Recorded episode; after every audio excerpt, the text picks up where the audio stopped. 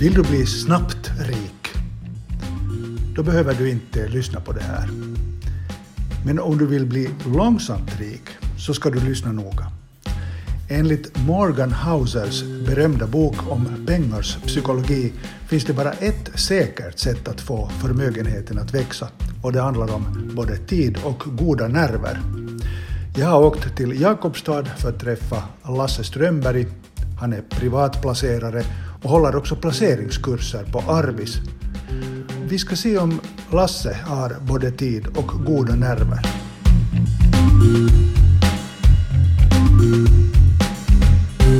Välkommen med i pengarnas värld, som idag ska egentligen vara en bokrecension. Välkommen Lasse Strömberg. Tack. Vi... Trevligt att vara med igen. Precis, Lasse har varit med en gång tidigare. Och också då har vi talat om placerande och det är nog det som vi ska tala om nu. Men vi har båda läst en bok, Pengars psykologi, av Morgan Housel, H-O-U-S-E-L, Housel. Den tar upp eh, placerande kanske på ett sätt som man inte är riktigt van vid. Man skulle nog se den här boken som ett körkort också. Att den, att om man, lika som att man måste ha körkort för att köra bil så kommer man kunna säga på skoj att det borde vara olagligt att börja spara och placera utan att ha läst den här boken. När du säger att det borde finnas ett körkort för att man överhuvudtaget ska få börja placera, du säger det förstås med, med glimten i ögat, men jag har också tänkt på att de som ofta är minst intresserade av placerande och sparande i fonder och aktier, så är de som egentligen skulle behöva det mest, det vill säga människor som inte har mycket pengar.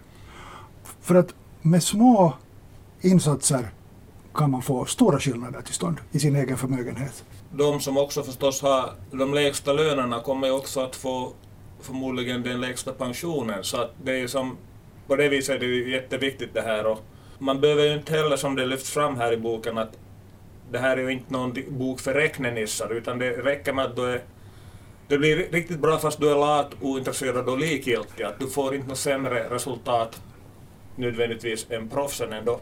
Det där låter lovande det där med att få vara lat och likgiltig.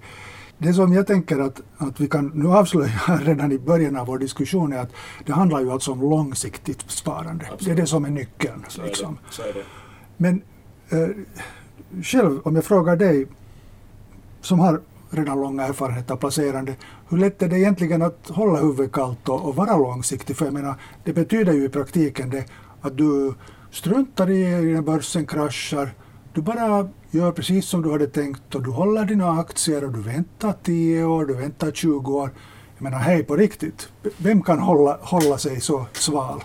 Jo, det, det är förstås alltid lättare i teorin än i praktiken, men jag har ju följer ju mycket och läst mycket om, omkring det här börskrascher och sånt och jag var med 2008-2009 och om jag nog inte missminner mig så inte sålde jag någonting då heller. Men nu ljuger jag, alltså, nu är det ju en, en, en känslomässig berg och dalbana, eller var en känslomässig berg och dalbana. Det var det helt klart. Och sen är det förstås också enklare här nu att sitta här och säga att, att jag köpte då Massapil 2020 och det ser vi att kursen av börsen var ner 30 procent. Och den har ju kommit upp därifrån då tack vare centralbankernas agerande etc. Men vad skulle ha hänt nu om den skulle vara minus 47? Den skulle fortsättningsvis ha bara sjunkit. Hur skulle jag må då? Och det är ju då liksom man skiljer agnarna från vetet. Vem, och då vet jag inte, det kan jag inte svara på, det, för det, det kan jag inte heller veta för det har inte inträffat, men det kan hända någon annan gång. Så det är ju det som är skillnaden också, att hur, hur länge är då börsen ner 30, 40, 50 procent? Är det ett decennium? Hur mår jag då? Ja, det är ju det här som är, är, är svårt och, och ändå vet vi väldigt bra, för det finns så klara uträkningar att det är det som lönar sig, att bara vänta ut. Att om man bara har möjlighet förstås, jag menar om man har 30 år som, som man kan vänta, man måste vara gärna så ung att man har 30 år på sig och sen måste man ha de där pengarna att eh, lägga undan så att säga. Så är det. Du får ju inte nog tänka att du har, att du, när det, sen covid, covid-kraschen här 2020, om du tänker då att du har att den här covid-kraschen inte påverkar ditt, ditt förvärvsarbete, att du har fortfarande samma lön etc. etc. Så, och du inte har pengar på börsen som du behöver för ditt dagliga leverne, så då är det ju helt irrelevant. Men det är ju när du har pengar på börsen som du egentligen inte har råd att förlora, att du inte har skyddat din nedsida, det är då ditt beteende sätter krokben för dig. Det brukar ofta eh, presenteras olika slags uträkningar eh, när det gäller just lönsamheten på lång sikt. Har du något på lager? Ja, vi hade, vi hade ett fondbolag som var hit och presenterade sina, sina produkter och eh, de hade då, deras fond hade gått upp med, med 9000 procent. Och den hade då 9000? 9000 procent. Och den var ju då över 20 år, kanske 22-23 år sedan den lanserades någonting. Och det, här, och det är förstås någonting som man använder i sin marknadsföring. Att, att den har gått upp 9000 procent. Men det var endast fem personer som hade fått den här avkastningen på 9000 procent, därför att alla, det var de enda som hade suttit kvar i båten så att säga. Alla andra har gått ut och gått in. Så deras avkastning kan ju vara helt medioker. Så att fem personer hade gått in i, i fonden i början och inte rört vid sina placeringar ja och de hade fått en 9000 procent. Men det var bara fem och du vet inte hur många andelsägare det fanns, eller finns, kanske det finns så, så 10 000, jag har ingen aning. Så de andra hade blivit nervösa när, när börser kraschade och sålt och sen hade de köpt igen och då fick de inte samma Ja, eller någonting har hänt med livssituationen, att de har blivit tvungna att, liksom att sälja sina fondandelar. Och detsamma sägs om Warren Buffett, berättas i den här boken av Morgan Housel, Pengars psykologi, att absolut överlägset största delen av hela hans egendom, han hör ju till världens rikaste personer, så största delen av hans egendom har kommit till efter att han har fyllt 50 år.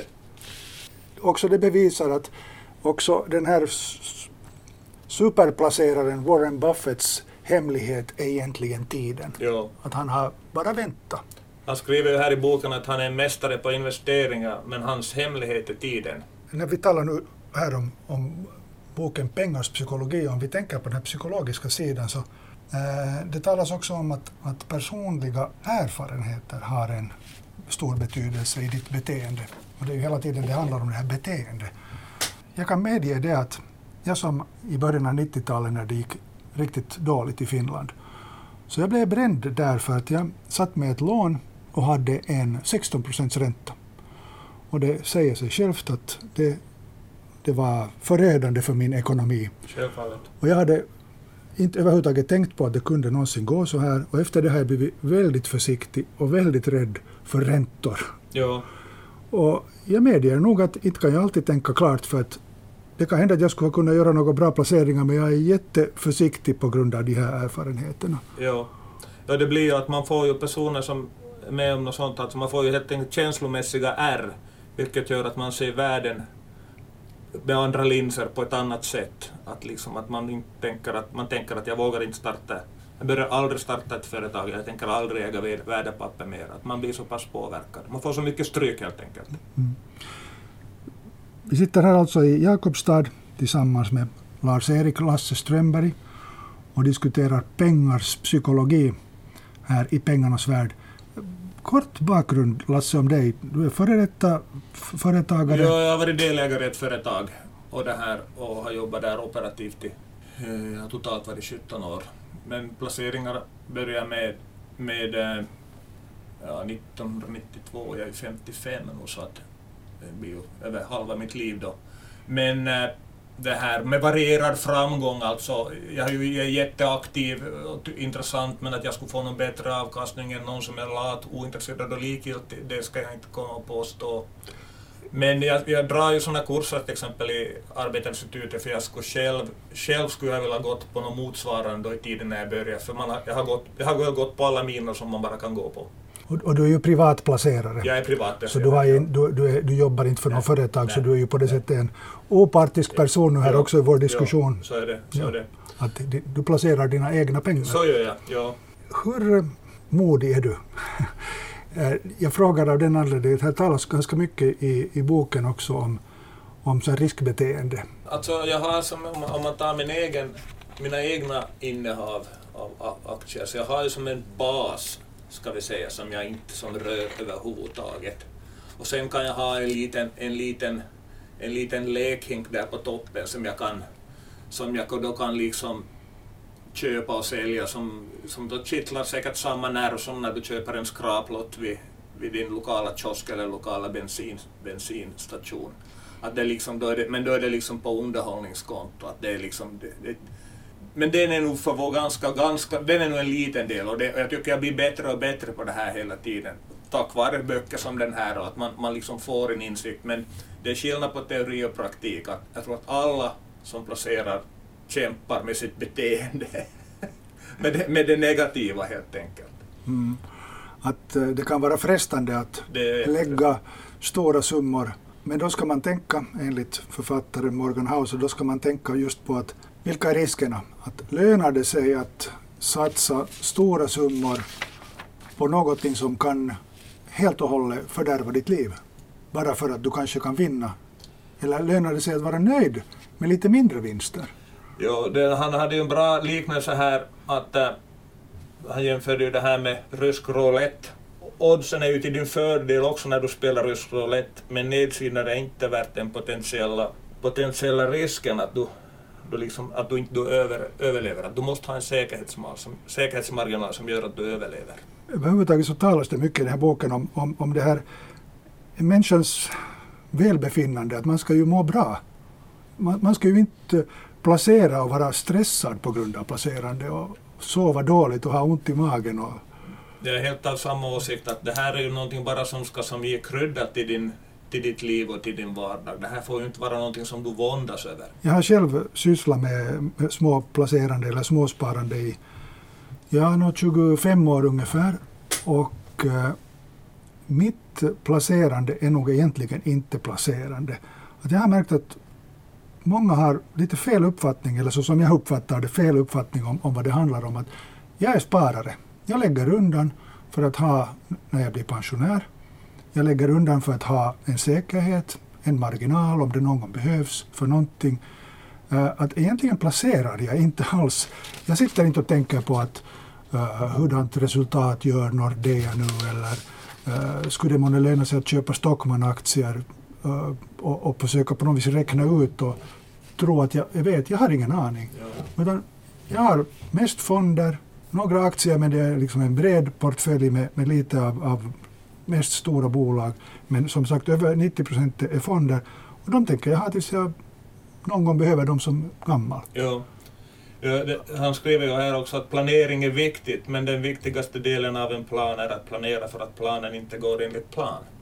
Så det är liksom ett, det är ett bra resonemang och då behöver man inte heller som ha liksom heller ha som man skriver att man flyttar fram den här, att man ser vi har en sån där goalpost, alltså en, en, mål, en mål, ett, ett mål att man hela tiden flyttar fram det, jag ska ha större bil, större hus, större någonting, utan det får vara ganska flexibelt där, men som du säger, man bara sparar och så behöver man det någon gång så då har man och behöver man inte så får det där vara, att inte, inte det är någonting, att det är liksom en det är en trygghet helt enkelt. Man skulle kanske, det här är nu min privata fundering, kunna göra skillnad mellan sparande det vill säga att du sätter in en liten summa varje månad på, på fonder eller om du har fast exempel fått ett arv så kan du placera det på fonder. Placerande då du verkligen försöker hitta intressanta aktier som kan ge avkastning på lång sikt och sen spekulation. Ja. Och jag har så en känsla av att det talas mest idag om spekulation. Ja, det är nog, det är nog, det är nog så och det tror jag nog att det har mycket att göra med, har mycket att göra med den här, efter den här covid-kraschen också, centralbankernas liksom har sett till att det finns likviditet, pengar, pengar, i, pengar i marknaden och sen alla de här, de har alla de här äh, apparna som gör att det är enkelt att liksom handla och vandla på din telefon och sånt. Så att det blir som ett momentum kring det här, den här liksom spekulationen. Att det, liksom det, det är ju det som man, skrev, som man säger här också, att pengar är den största showen i världen. Det finns vinnare, förlorare, det finns äh, Eh, de som bryter mot regler, det finns skurkar, alltså det finns hjältar. Men här är du ju inte bara ett fan, att du går på hockey, och sitter på läktaren. Här är du både ett fan och en deltagare. Så det blir går liksom ett snäpp högre upp. Morgan Housel talar här i boken om att när, du, när någon säger att jag skulle vilja ha en miljon så kan det ofta betyda att jag skulle vilja köpa några prylar för en miljon. Jag skulle vilja ha en miljon bil eller en miljon villa eller vad det nu sen kan vara. Men han eh, ställer sig då förstås kritiskt till det här. De flesta, de flesta tänker kanske när de talar om att jag skulle ha en miljon, betyder att jag vill spendera en miljon. Ja, Och det, det är liksom, världen är ju, det är ju lätt att hitta rika personer för de anstränger sig för att synas. En förmögenhet är ofta dold. Och liksom, det finns som världen, världen är full av människor som lever modest men som egentligen är förmögna och av människor som är rika, ser rika ut men som egentligen lever på gränsen. Att det, där, det enda du vet om en någon har köpt en bil för 100 000 euro, det enda du vet att den personen är 100 000 euro fattigare. Det är det enda du vet. så är Sen kan han ju ha varit hur rik eller hur fattig som helst, men det är det enda konkreta du vet. Och för Morgan Housel är rikedom egentligen tid. Är det inte så han? Så, så är det han som han sammanfattar det. Ja. Mm. Jo, så är det.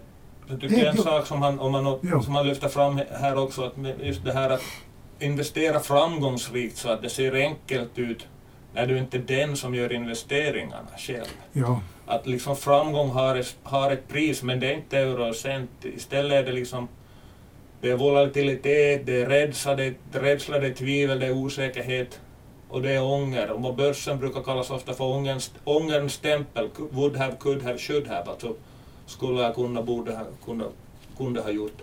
Så att det finns liksom en prislapp för den här, de här kurs upp, och nedgångarna om man tar liksom covid-händelserna här eller 2020, 2020 mars månad. Då.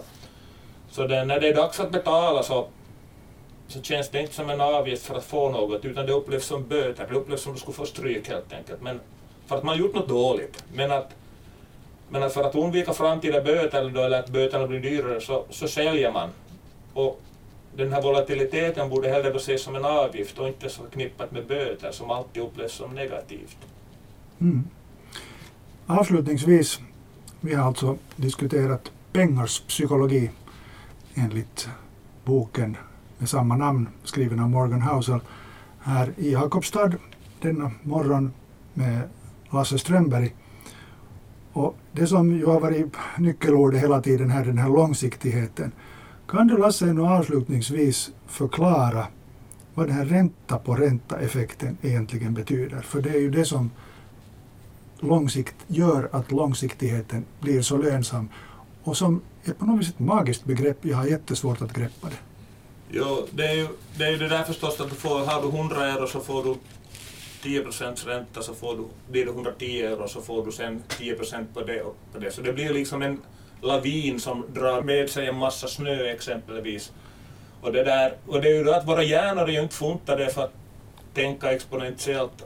Liksom att 8 gånger 9 är 72, det kan alla som har övat sina tabeller i skolan, men kan du räkna 8 upphöjt till 9 så där i huvudet bara, och det är då 132, 134 miljoner 237 728.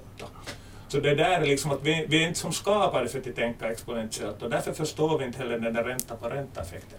Men problemet är ju där, eller utmaningen är ju där, att det tar längre tid än vi skulle vilja. Att vi orkar inte hålla ut, utan det blir det där då att nej du har fått ihop ett kapital och så nej men vi åker till familjen på all inclusive till Rhodos eller Thailand eller Gran Canaria eller gör någonting sånt. Och så, så, får du, och så ångrar du dig, eller så får du börja om från noll igen, att du förstör det där kapitalet som skulle kunna liksom, att du måste ha råd att åka till Rhodos i alla fall ifall du väljer att göra det eller någonting motsvarande. De där pengarna måste få vara där i fred. Och där ligger nog utmaningen.